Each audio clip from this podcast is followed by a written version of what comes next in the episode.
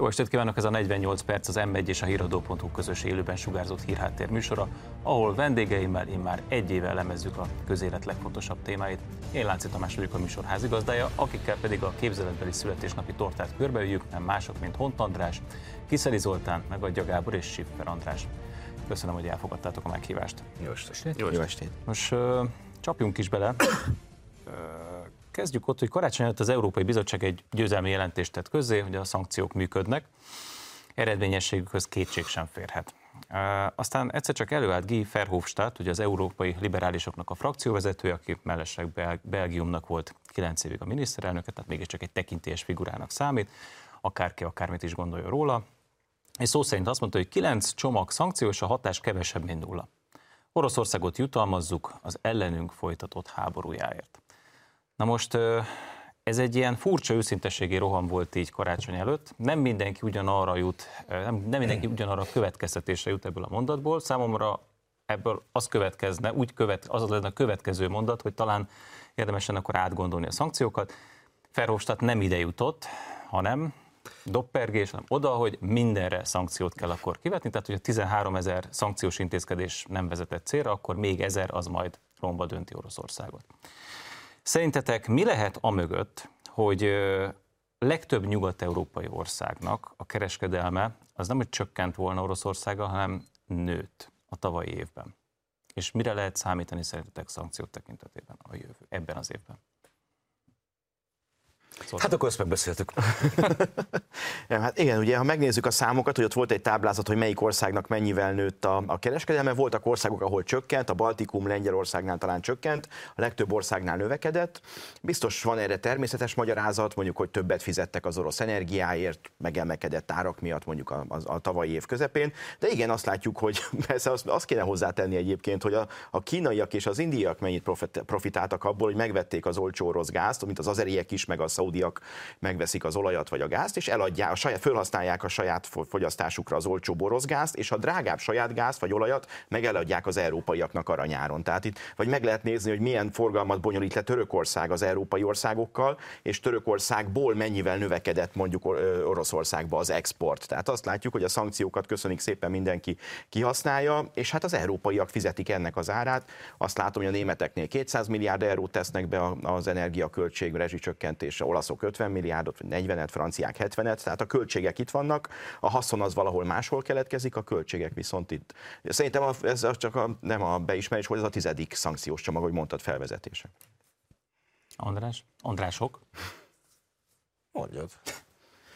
Hát én az, továbbra is azt gondolom, hogy az elején, tehát egy évvel ezelőtt, február 24-e után a szankciónak az élesítése az elkerülhetetlen volt de én leginkább azon csodálkoztam az azt követő hetekben, márciusban, hogy, főleg áprilisban, mert ugye az elején még úgy tűnt, hogy elindulnak béketárgyalások, hogy a szankciókat egyáltalán nem arra használják fel, hogy béke tárgyalások induljanak, és ott ez úgymond egy érv legyen az oroszokkal szemben.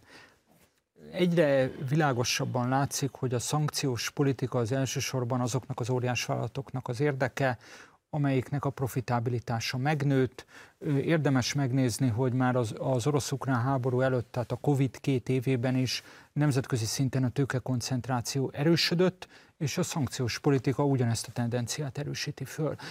Egészen konkrét leszek, ha van olyan szektor, amelyik egyértelmű haszonélvezője annak, ami zajlik, az a hadipar, azon belül is az amerikai gyökerű hadipar, és az sem véletlen, hogy azok, akik az LNG szállításban érdekeltek, részvényesek, szintén arra próbálják rávenni az Európai Uniót, hogy megfokozza a szankciós politikát, és eljutunk oda, hogy igencsak időszerű volna megvizsgálni, hogy a nemzetközi intézmények, és azon belül is az Európai Unió intézménye, bürokráciája valójában kiknek szolgál, kiket szolgál, kiknek játszik.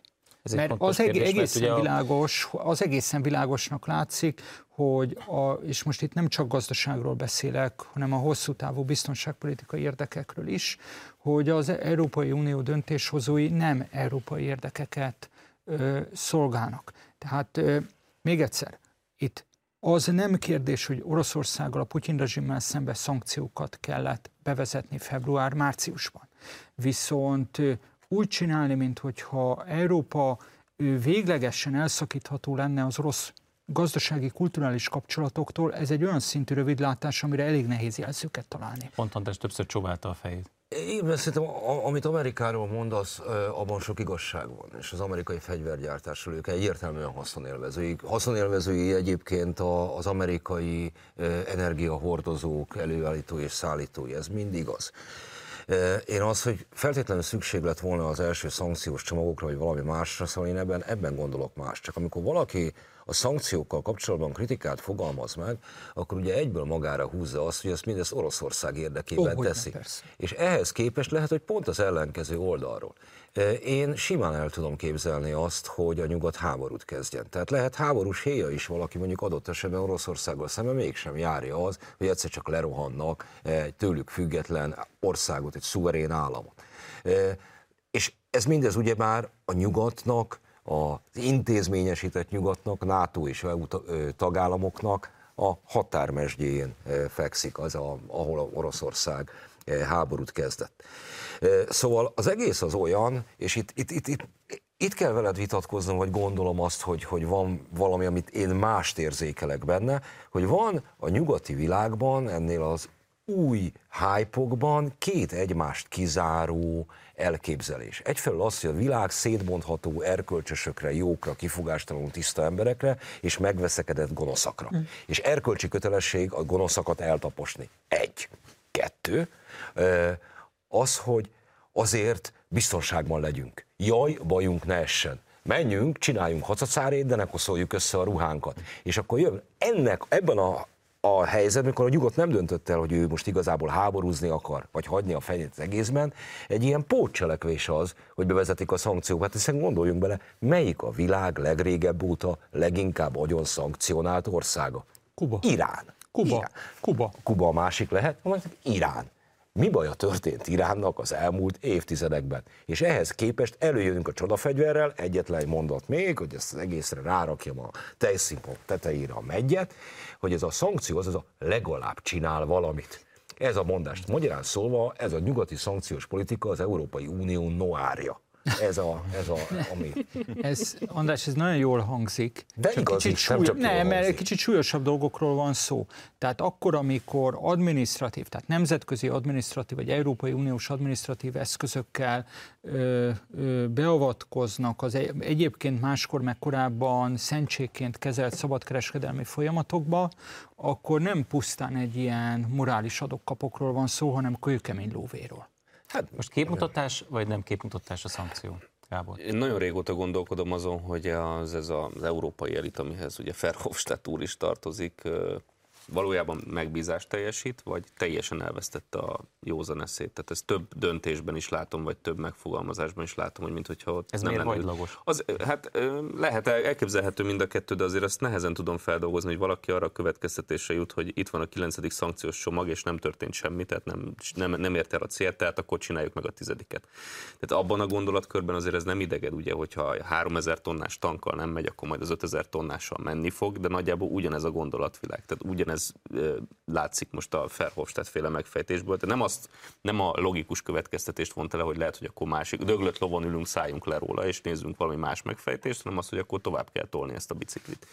Ami előbb még ló volt. Majd megvitatjuk ezt, hogy... Igen. Jó, mindenkinek jár egy képzavar. Zoli, az érdekelne, hogy tulajdonképpen mire lehet még kiterjeszteni a, a, a szankciókat, mert azt tudjuk, hogy Belgium kért mentességet a gyémánt kereskedelem alól, tehát arra még esetleg igen, de azt azért nehezen tudom elképzelni, hogy ez olyan borzasztó nagy érvágás lesz az oroszoknak. Tehát mi tud még jönni? Hát vannak még esélyek, ugye azt hozzá kell tenni, az nagyon fontos, hogy a szankciókhoz a nyugat, a szűk nyugat csatlakozott. Ez a világ országainak nagyjából harmada. A, a többség nem csatlakozott ezekhez a szankciókhoz. És igen, tehát mondjuk volt ilyen gondolat, hogy most hogy 60 dollárnál húzták meg az olajhordonkénti árát, ami fölött már az európai hajók nem szállíthatnak olajat, mondhatják, hogy mondjuk legyen ez 20 vagy 30 dollár. Nem, ez valóban messze lenne a piaci mechanizmusok, mechanizmusoktól. A gáznál is mostan 170 eurónál húzták meg a gáznak azt a plafonját, árplafonját a bizottság részéről, ami, aminél, ami fölé nem mehet a gázára szerintük, és hát voltak ki lengyelek azt mondták, hogy legyen 100 euró per megawatt, ami azt jelenteni mondjuk, hogy az oroszok biztos nem adnak el, most alatta van az ár, de hogyha 100-ban húzták volna meg, vagy 50-ben, akkor mondjuk ez azt jelenteni, hogy az oroszok biztos nem adnak el gáz, de egyébként a norvégok, katáriak és Amerika sem biztos, hiszen ugye a piaci ár alatt nem biztos, hogy eladnák. Ez az orosz gázra vonatkozna, de azt látjuk, hogy tehát vannak még lehetőségek, vannak még lehetőségek, ezzel Európa még jobban lábon lőni magát, az energiaintenzív termelés elvándorol, látjuk, hogy a német vegyipar Kínába, az acélgyártás Amerikába, és igen, vannak olyan folyamatok, ez a fracking technológia Amerikában sokáig veszteséges volt, alacsonyak voltak az az energiárak, most jönnek be a profitok, és el kell dönteniük, hogy újra befektetnek, vagy kifizetik az osztalék, kifizetik osztalékban a befektetőiket. Tehát nagyon sok kérdés van az asztalon, de az látszik, hogy ezt az energiaszankciós politikát Brüsszel arra is használja, hogy egy technológiaváltást hajtson végre, például a zöld hidrogénre való áttérést. Az csak én érzem úgy, hogy amióta kitört a háború, és amióta hatalmas LNG tartályhajók szelik át az óceán keresztül kasul, ugye borzasztó környezetszennyező azóta, mint hogyha a klímarettegés egy kicsikét alább hagyott volna, és Greta kevésbé Thunberg, lenne. Új, Greta Thunberg új ellenfelet talált egy volt kickbox bajnok személyében. Jó, jó. Akit aztán a román rendőrség, rendőrség Jó, szóval szerintem ne poénkodjuk el a dolgot, mert pontosan az a tragikus, hogy ökológiai válság van. Ennek egy súlyos eleme a klímaváltozás. Ugyanakkor ez az egyébként az egész emberiséget pusztulásba hajszoló globális kapitalista rendszernek pontosan az a idézőjelbe tessék érteni gyönyörű képessége van, hogy sokkal hatékonyabban tudja letörni az ellenállást, mint a korábbi rendszerek bárhol a világon, és erre az egyik eszköze, amit Farkas Attila Márton barátom pár évvel ezelőtt úgy fogalmazott meg, hogy preventív ellenforradalom, röviden azt lehet mondani, hogy az elcsatornázás. Na ennek az egyik mintája az, amit a klímavált, a, a létező jelenséggel, mint klímaváltozás műveltek az elmúlt években. Nem tűnt az föl neked, Tamás, hogy miközben még 2010-es évek közepén is hatalmas tömegtüntetések voltak. Hamburgban konkrétan milliós tömeg vonult az észak-amerikai európai szabadkereskedelmi ö, egyezmény, tárgyalások ellen, többek között klímapolitikai okokból. Az utóbbi 7-8 évben ezek a tömegek, akik konkrét cégek, konkrét szabadkereskedelmi politikák ellen tüntetnek, ezek eltűntek. És magát a klímaváltozás témáját is egy ilyen politikai termékként használják, még véletlenül sem konkrét cégeknek, vagy akár konkrét kormányoknak az intézkedéseit ö, ö, lövik, idézőjelesen, hanem hát ahogy a, az András itt egy körrel előbb fogalmazott, egy, egy olyan terméket faragtak, amibe, ami mögé az erényes ember beáll, és lényegében már nem is tudjuk, hogy valójában mi a pontos veszély, és konkrétan milyen politikai követeléseink vannak, akár nemzeti, akár globális szinten. András, neked igazad van abban, hogy ne vicceljük el azt, hogy van éghajlatváltozás, mi életünkben például egy nagyvárosban élve mennyire megváltozott a, az a környezet, amelyben élünk, hogy mondjuk mikor találkoztunk igazi hóval életünkben, és egyébként még 15 éve is, vagy 20. Ez mind-mind van. Csak az egésznek az alja akár szankciókról esik szó, akár klímaváltozásról, akár világjárványról, akár bármi másról, egy olyan helyzetet kéne előállítani, és amikor jöttem ide, hogy miről fogunk beszélni, és mit várok mondjuk én 23-tól, és akkor csak vágyvezérel dolgok tudnak eszembe jutni, az, hogy az a fajta diskurzus, helyreállni nem fog, de legalább lépjünk valamit, hogy dolgokat meg tudunk beszélni egymással, vagy legalább vitatárgyával tudjuk tenni, hogy miért nem tudunk. Mert itt van ugye a klímaválság, egyfelől erkölcsi mondás, hogy na szokjatok le a húsevésről, mert akkor nem termelnek annyi gázt az argentin tehenek, hogy azt a klímával öljék. Viszont cserébe mi történik? Letarolják az esőerdőt, és szóját termesztenek, amivel még... Tehát szeretném azt látni, hogy az előnyök, hátrányok Pontosan. színe visszája. Így nem, nem lehet emberi lásd, lásd, az elektromos autógyártás a legnagyobb szemfényvesztés. pontosan. Mert egyfelől hú, kevesebb autó fog pöfögni a német autópályákon, és mi lesz Bolíviában vagy Kongóban? Vagy Magyarországon, az, ahol az akkumulátorokat... Van, ahova telepítik, ugye, amit megbeszéltünk Igen. már a múltkor, az akkumulátorgyárakat, szeretett kormányunk, de, de mi lesz Dél-Amerikában vagy Afrikában, ahol, ö, ahol a lítiumot kibányásszák és kirabolják ezeket az és országokat? És visszakapják az elszemetet. Hát pontosan, pontosan. Gábor? nincs mit hozzáfűznöm. A viszont van. Ha már konfliktusok, és hol termelődik meg a mondjam, nyugati politikának a haszna és a kára. Ilyen Stoltenberg NATO főtitkár felszólította a NATO országokat, hogy több fegyvert szállítsanak Ukrajnának, ez volt az egyik első bejelentés. Úgy fogalmazott, hogy a német hírügynökségnek, hogy talán paradox módon, paradox módon hangzik, de Ukrajna katonai támogatása a leggyorsabb út a békéhez. Átfogó kérdésem, hogy mire számítottok? 23-ban vége lesz ennek a háborúnak, vagy sem? Én megkerülném a választ, elnézést.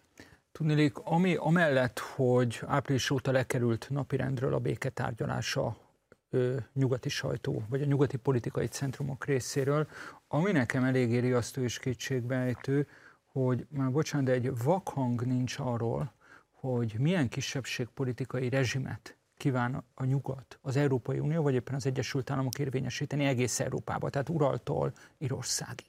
Tudnélik a következő. Teszem azt, ukrán győzelemmel végződik ez a konfliktus, kisöprik az oroszokat, talán még a Krimből is, gondolom ezek után rezsimváltás jön Moszkvába, tehát minden szépre és jóra fordul, ahogy a Guardian ezt megírja. Ezek után mi lesz? Tehát bárki azt gondolja, hogy ha mondjuk van egy átütő ukrán-amerikai győzelem ebben a konfliktusban, és most az atomkockázatot is egy pillanatra tegyük félre lelki békénk érdekében, akkor Oroszországban 5-10 év múlva a nagyhatalmi igény nem fog újjáilletni. Bárki komolyan gondolja, hogy egy olyan etnikai megoszlású ország, mint Ukrajna, egy ilyen győzelem után, hogy győze, ukrán győzelem lesz, anélkül, hogy a patronáló nyugati hatalmak nem vasalnák be legalább az elveit a Minszki megállapodásnak, ami egyébként a kisebbségi jogokat keményen érinti, valaha béke lesz. Tehát, hogy itt, nem, itt kérdés az, hogy Oroszországnak hosszú távon mi lesz a pozíciója a globális politikában, illetve Európában, és kérdés az, hogy egy győzelem után e- Ukrajnában hogyan lesz a stabilitás. Már pedig... Hadd kérdezzek vissza, bocsánat. Érdekel az bárkit, hogy számtalan közel-keleti beavatkozás után béke van-e a közel-keleten? Hát minket Európában, európaiakat érdekelni kén, kellene az, az egy másik, hogy Európában van-e Nem ezt kérdeztem, hogy kellene érde, persze, de érdekel valakit, ezt csak azért kérdezem, hogy érdekelni fog-e valakit, Tamás, hogy az orosz cseppéken kik gyilkolják egymást majd hát 10-20 év ukrán, Tehát én most itt nem pusztán, Tamás, én nem csak a, az orosz és az ukrán Akkor állam közötti... Tamás, én nem csak az orosz és az ukrán állam közötti hosszú távú béke vagy fegyveres konfliktus lehet lehetőségéről beszélek, hanem hogy Ukrajnán belül hogyan lesz úgy stabilitás, hogy közben pedig nincsenek garanciája a, válasz, a válasz az könnyen lehet az, hogy sehogy. Nem? Én nem, én nem hát, látom azt, hogy kérdezem. ez lenne a cél. Srácok, tehát hogy ti hogy látjátok? Egy, egy, egy, egy nemzetépítés zajlik, Ukrajnában most a háború felébresztette a nemzet... De milyen nemzetépítés az, ahol az országnak a fele gyakorlatilag elmenekült?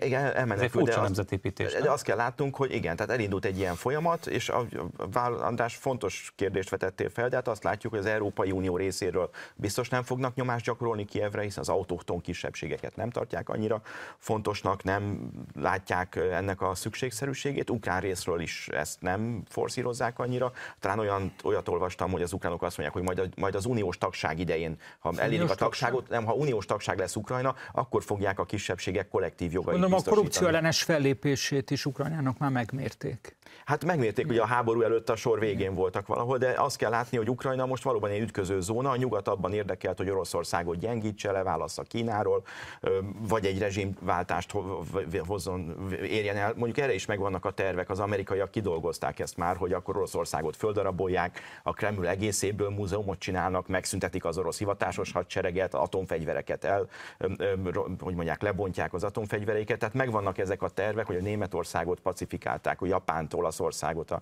második világháború után Oroszországot is miként lehetne, hogyha egy ilyen változás bekövetkezik. Arra a kérdésre azért válaszolja, amit először föltettem, hogy szerinted 23 lehet-e a béke vagy a fegyverszünetnek az éve? Sajnos nem, én azt azt látom, hogy most még a harctéren akar mind a két fél változást elérni. Az ukránok a nyugati technikai és hírszerzési támogatással, az oroszok meg a mostani mozgósítással. Tehát azt gondolom, hogy most még az év első felében neki veselkednek. Hát amelyik fél kifullad, vagy ha mind a két fél kifullad, akkor jöhetnek béketárgyalások, de miután még nincs definiálva, hogy mit jelent a béketárgyalás, hol legyen a vonal, vagy a maximális követelésektől most még egyik sem lépett vissza. Tehát hol van az a közös nevező, ami mentén meg tudnak állapodni, ezt én még nem látom. Hát ez nem, nyilván az ember nem szívesen jósol ö, ilyen helyzetekben, ö, és tényleg nem vagyok jó, és nincsen üveggömböm, amiből ezt ki tudom nézni, de én nagyon könnyen el tudom képzelni, hogy nem ebben az évben, hanem még hosszú-hosszú évekig elhúzódik ez a konfliktus, és egy ütköző zóna jön létre tartósan Nyugat és Oroszország között,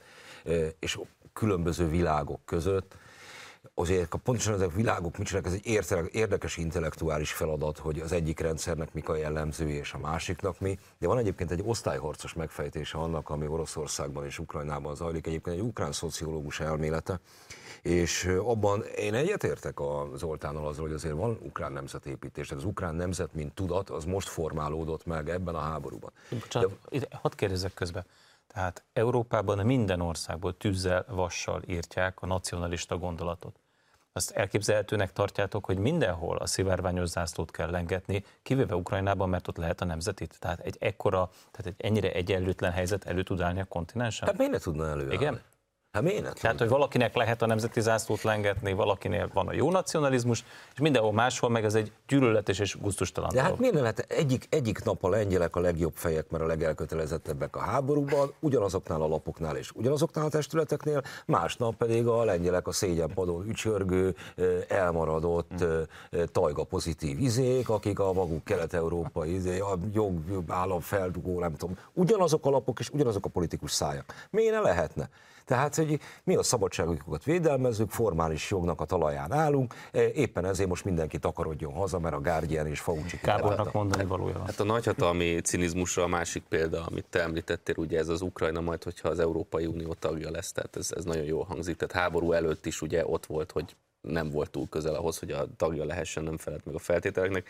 És ha belegondolunk abba, hogy mióta előszobáztatják Törökországot, meg Szerbiát, és ezt összevetjük azzal, hogy mi a helyzet Ukrajnával, akkor ebből is látszik, hogy talán itt mégsem a, az elvekről van szó, és hát azt tudjuk, Magyarország egyből, egyből támogatta az ukrán uniós tartalkozást, kérelmét, ugye? ugye? Mi is beszálltunk ebbe a versenybe. Mibe kerül? Igen, tehát okay. így van. Azért lásd be, hogy ez egy, egy sok volt. Azért, jó, szerintem, szerintem az egy remek lépés volt. Én, én mosolyogtam rajta. Na mindegy. tehát a, tehát a, a, de azt láttuk, hogy a nagyhatalmi cirizmus ugye most Ukrajnában, most beszéltünk arról, hogy napszimbóleum, napszimbóleum kedvelő keleti mitológiák iránt érdeklődő hadosztályokat támogat a nyugat.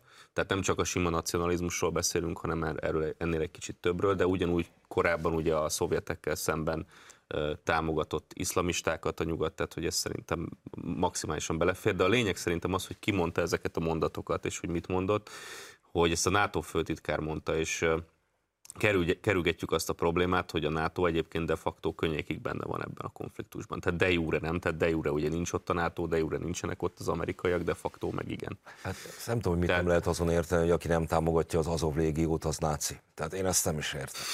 Ez az első félidőnek a végszava. Egy rövid szünetet tartunk, aztán a hírek után visszajövünk. Kérem, hogy tartsanak velünk a második részben is.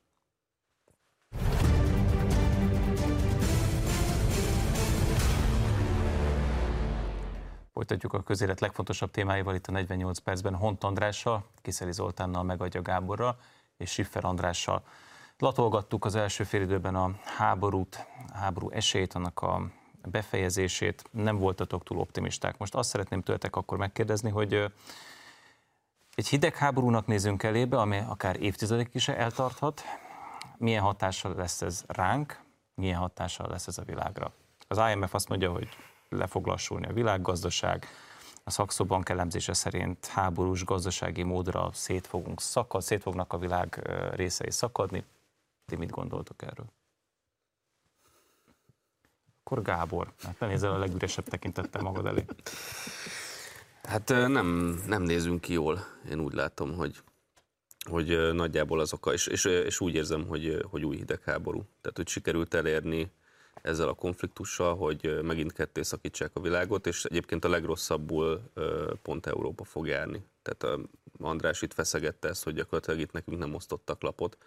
Ha jól látom, akkor Európára az van testában, hogy végrehajtson bizonyos kéréseket, és akkor utána majd, hogyha egyszer eljön az újjáépítés korszaka, akkor majd az újjáépítést finanszírozza. Tehát nagyjából ez lesz Európa feladata. Most az, hogy mi miből, miből fogjuk az újjáépítést finanszírozni, azt pillanatnyilag nem látom.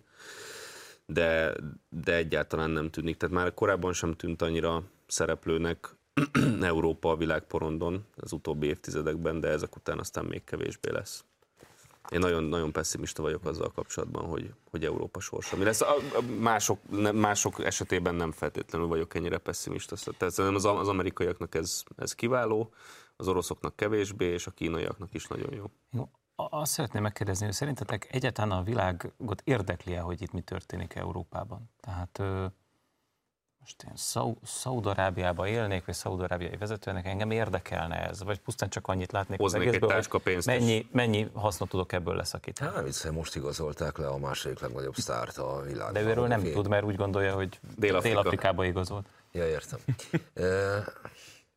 e, nyilván mindenkit a saját baja érdekel elsősorban, mindenkinek a saját traumája és problémája a valit.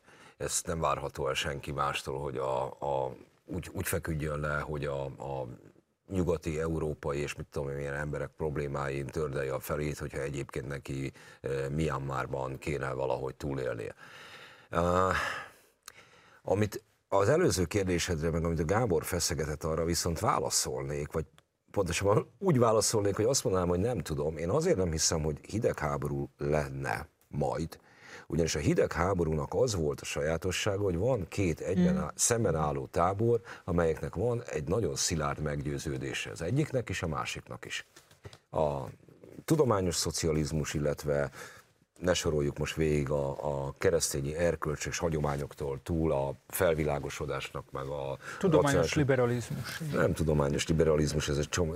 Ez megvolt az, hogy mi, mi az, ami az egyik és a másik is hisz. Én ma ilyeneket nem látok. És például a nyugati világon belül van jelen pillanatban még egy tisztázni való, itt szerintem hamar egymásnak fognak esni, ha máshogy nem, hát akkor eszmeileg a felek, hogy amikor a hétköznapi tapasztalata az asztaloknál lévő társalgásnak a nyelve szögesen elválik attól, ahogy meg lehet szólalni a nyilvánosságban, akkor az előbb-utóbb konfliktusokhoz vezet. Mi éltünk ilyen, vagy én legalábbis éltem ilyen rendszerben, András is élt ilyen rendszerben, mert idősebb nálam.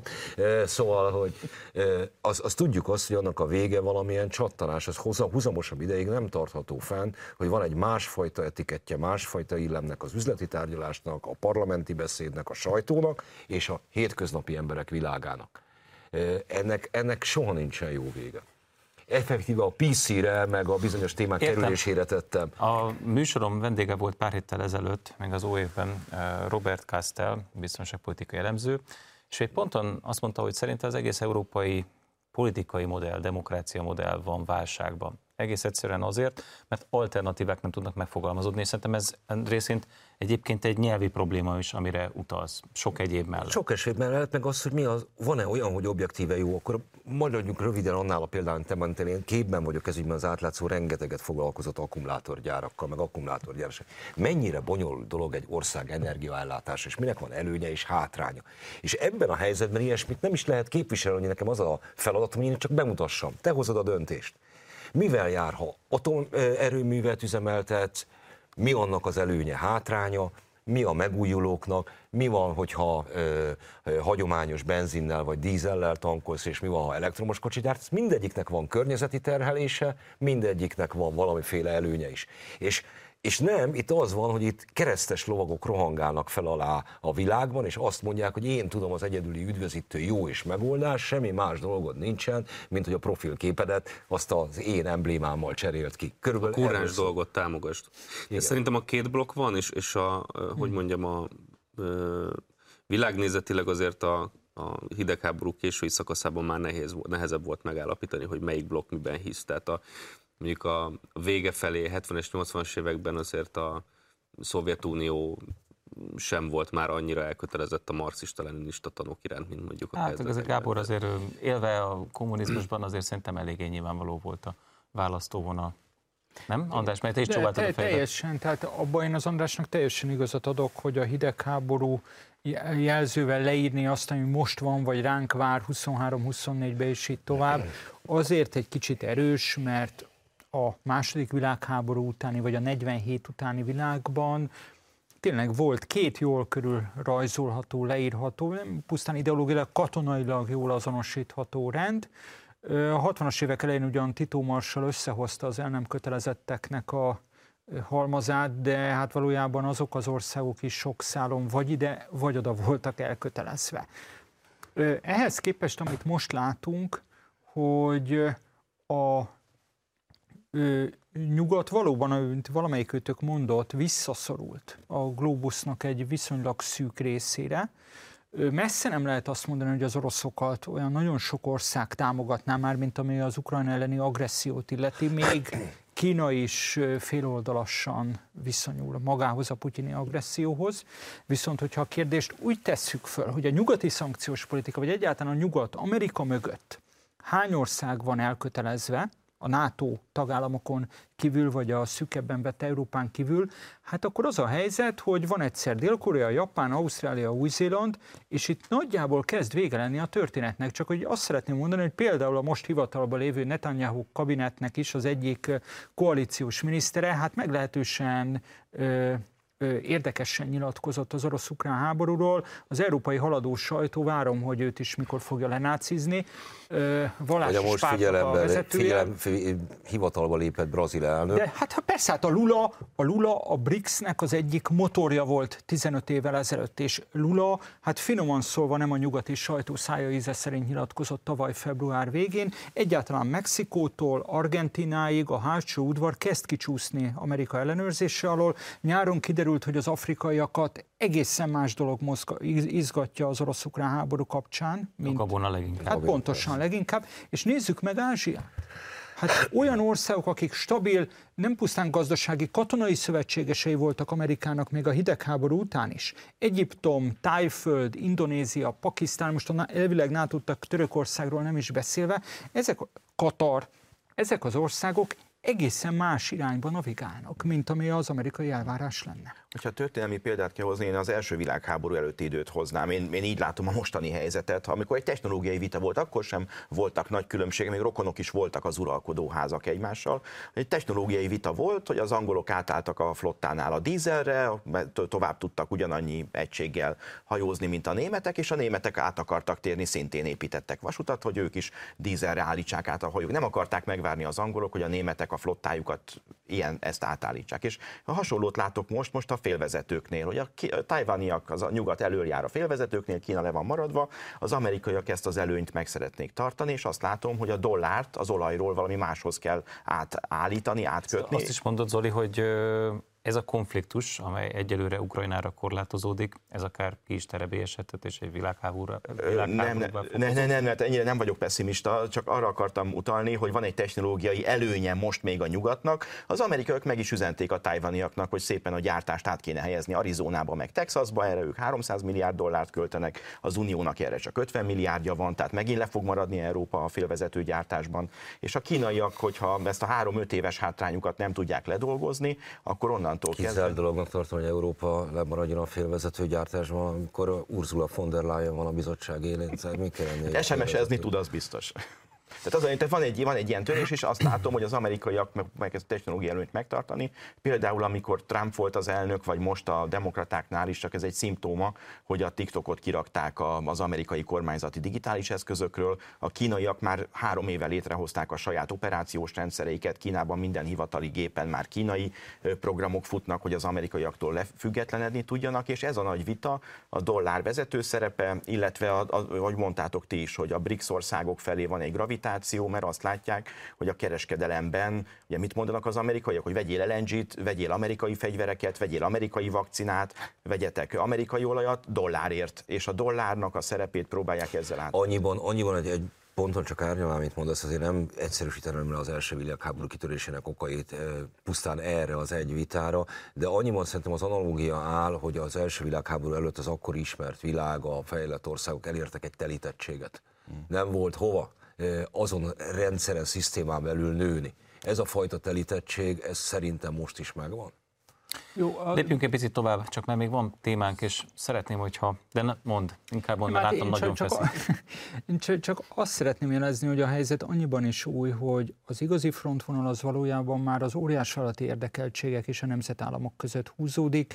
Tehát volt egy időszak 90 után, amikor a WTO-n keresztül, utána a 2000-es években különböző regionális egyezmények által, most pedig nyíltan a, a különböző döntéshozó fórumoknak a zsebretételével próbálnak nemzet, nemzetállamokat maguk alá gyűrni a kifejezetten, kifejezetten örülök, hogy hagytam, hogy elmond ezt a gondolatot, mert ez átvezet a következő gondolathoz, hogy hol van a mi helyünk Magyarország helye 2023-ban. Ugye Orbán Viktor, amikor 2010-ben miniszterelnök lett, akkor beiktatási beszédében azt mondta, hogy élete legnehezebb feladata előtt áll, Hát most úgy tűnik, hogy kapott egy még nagyobb feladatot, legalábbis az évvégi kormányinfon ugye úgy fogalmazott, hogy szuverenitás, szabadság, teljes foglalkoztatottság és a családok támogatása, ezeket a nagy célokat 23-ban várhatóan nehéz ö, körülmények közepette akarjuk majd megvédeni.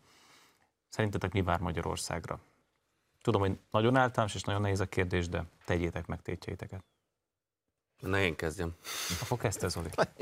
Igen, tehát mondtátok az akkumulátorgyárakat, ez a technológia, ami mellett úgy tűnik, hogy a nyugat elkötelezte magát, ennek is van több fajta, aztán majd jön a hidrogénautó, a zöld hidrogén, tehát vannak itt lépések, én átmenet. Aztán majd újra nyitják a szénerőműveket, igen.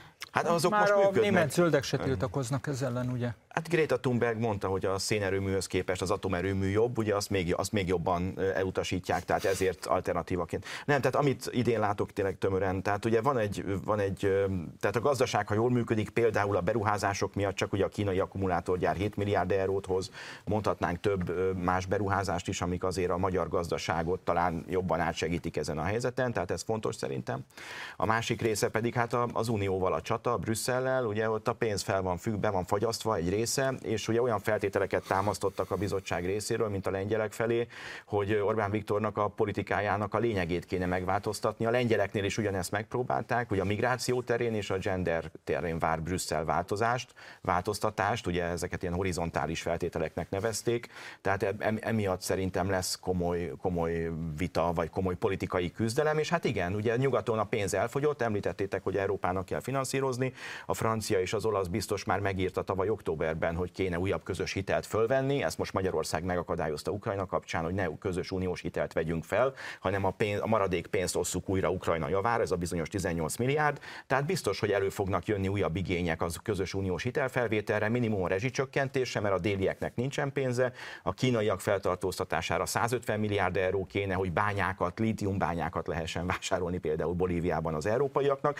és akkor még nem is beszéltünk a fegyverkezésről, az energiaátállásról, ami szintén 100 milliárdos tételeket igényelne, ehhez hitelt kéne fölvennie az Uniónak, és ez Magyarország, Lengyelország szavazatát is igényli. Én nem hiszek abban, amit te felvillantottál itt előbb, András, csak hogy visszatérünk egy kicsikét a saját dolgainkra. Én nem hiszek abban, hogy szuverén államok bármikor is léteztek volna a világtörténelemben. A szuverenitás mindig egy ilyen egymásba diffundáló erőknek a, a játéka volt. Most aztán meg, ahol technológiailag ennyire egybe van kapcsolva minden, pláne nem. Éppen ezért rossz azt nézni, hogy az Európai Unióval kapcsolatban viták vannak, és az Európai Uniót milyen infantilis viták feszítik szét, mert Magyarország számára az Európai Unióban való létezés egy hihetetlenül nagy lehetőség amúgy. Tehát egy olyan ország... Bocsánat, de azért a, a szuverenitás azért ezt tegyük már egy picit tisztába. Tehát azért meg tudunk különböztetni egy kopasz embert egy hajas embertől. Jól lehet, vannak kopaszodó emberek. Hát a ceglédi meg én, tudom. Tehát, igen. Hogy, tehát azért, azért azt nem mondjuk, hogy olyan nincs, hogy szuverenitás. De elméletben persze nincs. De nem csak elmélet, de gyakorlatban is meg tudod mondani. Nem viccelj, mert az abszolút, abszolút uralkodók államai sem voltak soha teljesen szuverének, mindig ja, volt Ezért hoztam a kopasság, ezért hoztam a, a kopasság hasonlatot, ezért meg tudjuk szomsz... különböztetni azt, akinek van haja, attól, aki mondjuk... Ezzel az egyen rendelkezem, tehát ezt mondható, tehát hajam az biztos, hogy van. E, rosszul hallok, szemüvegem van, hajam az van rengeteg, tehát ezeket hízelekhez ezzel de én a fenntartom, amit előbb, előbb mondtam. Na, nem menjünk el ilyen elméleti irányba, tehát mi az, mi az állításod? 23-ban a nagy célokat meg lehet-e védeni? Nem tudom, hogy ezek mennyiben nagy célok, vagy hogy vagy mennyiben, mennyiben kommunikáció, mi, Akkor... mi ebből a kommunikáció. Én a, a, arra számítok, hogy Magyarország el fog evickélni, én azt gondolom, hogy szívósabb a, a, valóság, mint, mint a, a vágyak többnyire. Szerintem Magyarország hozzá fog jutni az uniós pénzek eh, egy részéhez több ütemben. Nem úgy látom azt, hogy a költségvetés olyan nagyon-nagyon-nagyon nagy bajban lenne. Kérdésnek sem akartam azt, hogy mennyire tud nagyvonalú lenni a kormány, hogy mondjuk olyan területeket is beemeljen a prioritások közé, amelyek jelen pillanatban nem szerepelnek ott. Itt azért mondjuk a pedagógus bérekre én alapvetően gondolnék, a 10%-os emelésen túlmenően, de én nem, nem hiszem. Én nem hiszek abban, hogy ez lesz. Ez a most következő lesz a legnehezebb évünk. András? Hát az valószínűleg jósolható, hogy például az inflációs nyomása az enyhülni fog az év során, még csak nem is belső okokból, hanem ennek az inflációnak azért több komponense van. Ebbe benne van a lecsengő Covid zárlatos időszak is. Ugyanakkor viszont azzal is szembe kéne nézni a magyar kormánynak, hogyha már Orbán Viktornak ezt az évvégi nyilatkozatát idézed, hogy akkor, amikor az elmúlt években, ahogyan erre már tettem utalást, éppenséggel erősödte, erősödött a tőke koncentráció, egyébként Magyarországon is, de globális szinten is, akkor az ország, egy országnak a saját szuverenitását, mert hogy ilyen van, még ha nem is egy abszolút, saját szuverenitását megvédeni, csak akkor lehet, hogyha a belső gazdaságát erősíti. Erre lett volna egyébként egy remek alkalom a 2020 tavaszi lezárás. Sajnálatos módon a gazdaságvédelmi akcióterv sem ebbe az irányba mozdult el. Tudnélik az, hogy például ilyen élelmiszer áremelkedés van, abban kőkeményen benne van az, hogy az elmúlt három évtized úgy telt el, hogy hagytuk lerombolni a saját élelmiszergyártó kapacitásainkat. Tehát ez javarészt megtörtént a 90-es évek elején. azt mondta, hogy még így is túl Bolgárország vagyunk. Ö, tovább mondom. E, az egy vicc, hogy Magyarországon a magyar élelmiszer polcokon, boltok polcain ilyen mértékben legyen importárum, mint amit látunk nap, mint nap. Ö, Összességében viszont nekem az, azért az egy elég tragikus felvillantás a miniszterelnök részéről, hogy gyakorlatilag ő tovább akarja folytatni a lefe, lefelé tartó versenyt a bérek, illetve a környezetszabályozás tekintetében.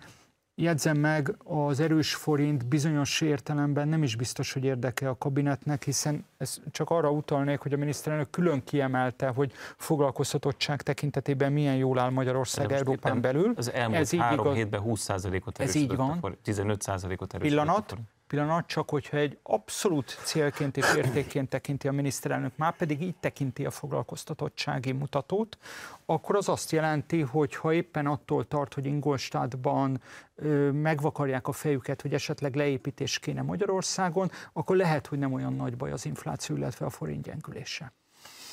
Hát nézd, a reálbérek azért mondjuk 12 év alatt ö, hogy 160 százalékkal nőzek, a bázist az 2010-ben vesszük. Gyönyörűen rajzolják ki egyébként a reálbér növekedés és a Fidesz választási eredmény, ez gyakorlatilag egy egyrá, egymással passzítható két ábra, mint ahogy egyébként szintén az átlátszor ebből csináltam egy ábrát.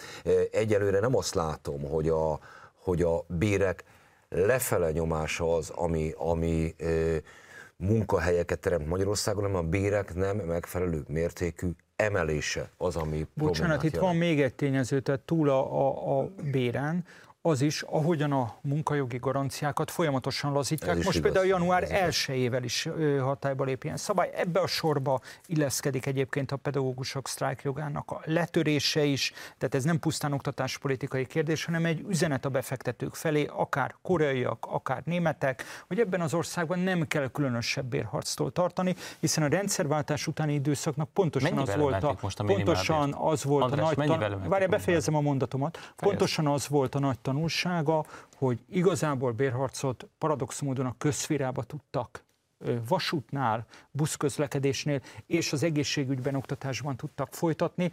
Hozzáteszem, hogy amire utaltál András, az én azt gondolom, hogy ha van stratégiai érzék, már pedig eddig volt a miniszterelnökben, az egy nagy feladvány, hogy mikor lép meg, nem 10%-os, hanem egy kb. Az, az orvosi béremelést elérő arányú emelést a pedagógusoknál.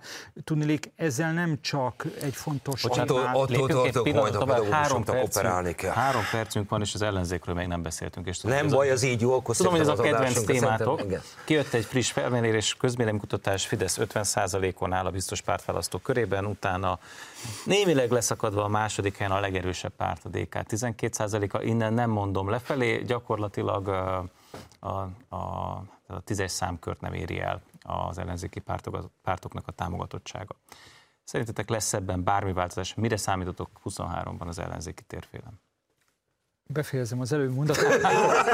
Tartam, tehát, hogy például, kiváló, például a kiváló pedagóg... szerkesztői állást tudok Igen, neked ajánlani. Köszönöm szépen, nagyon meg fogom fontolni. Szóval, hogy például, hogyha a miniszterelnök a ciklus felezőre a pedagógus bér témát kiveszi a politikai napirendről, akkor azzal ő egy komoly előnyt fog magának kapitalizálni a, a ciklus második felére.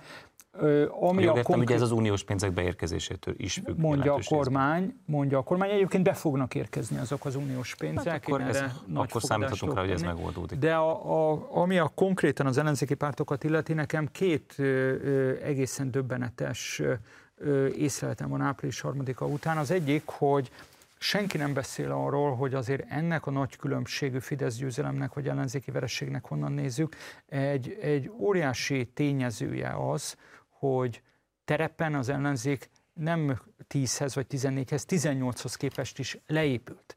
Tehát Persze. lehet itt sokat beszélni média felületről, Persze. meg ukrán, orosz-ukrán háborúról, ilyen-olyan stratégiákról, na de addig, amíg mondjuk egy Tilki Attila vagy egy Vitányi István ugye a régóta hivatalban lévő fideszes helyi képviselőket említsek, akiknek semmiféle... Tilki korup... Attilával csináltam podcastet az átlátszó, hogy ezt akkor véget De hát akik tisztességgel végzik egyébként a munkájukat.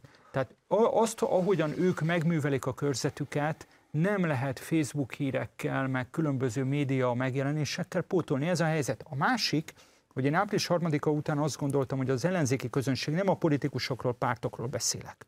Újságírók, véleményformálók és a közönség elindul a konszolidáció irányába. Ennek pont az ellenkezője zajlik, egy, egy olyan vehemens radikalizálódás, hogy sokszor már a, a régi bolsevik jelszó jut az ember eszébe, hogy aki nincs velük, az ellenük van. Fél percünk maradt, úgyhogy sok értelmes kérdést nem tudok föltenni, egyet fölteszek, amire mindenkinek igen, nem kell válaszolni. Lesz-e Karácsony Gergely főpolgármester jelölt. Ez szerintem ebben az évben el fog dőlni. Igen. Szerinted igen, András? Fogalmam nincs, és kevés érdekel. Igen. Szerintem is igen. Kérdés, hogy hány ellenzéki jelölt lesz még mellette? Nem lesz ellenzék, nincs ellenzék, kifizetőhelyek vannak. Ez volt a végszó.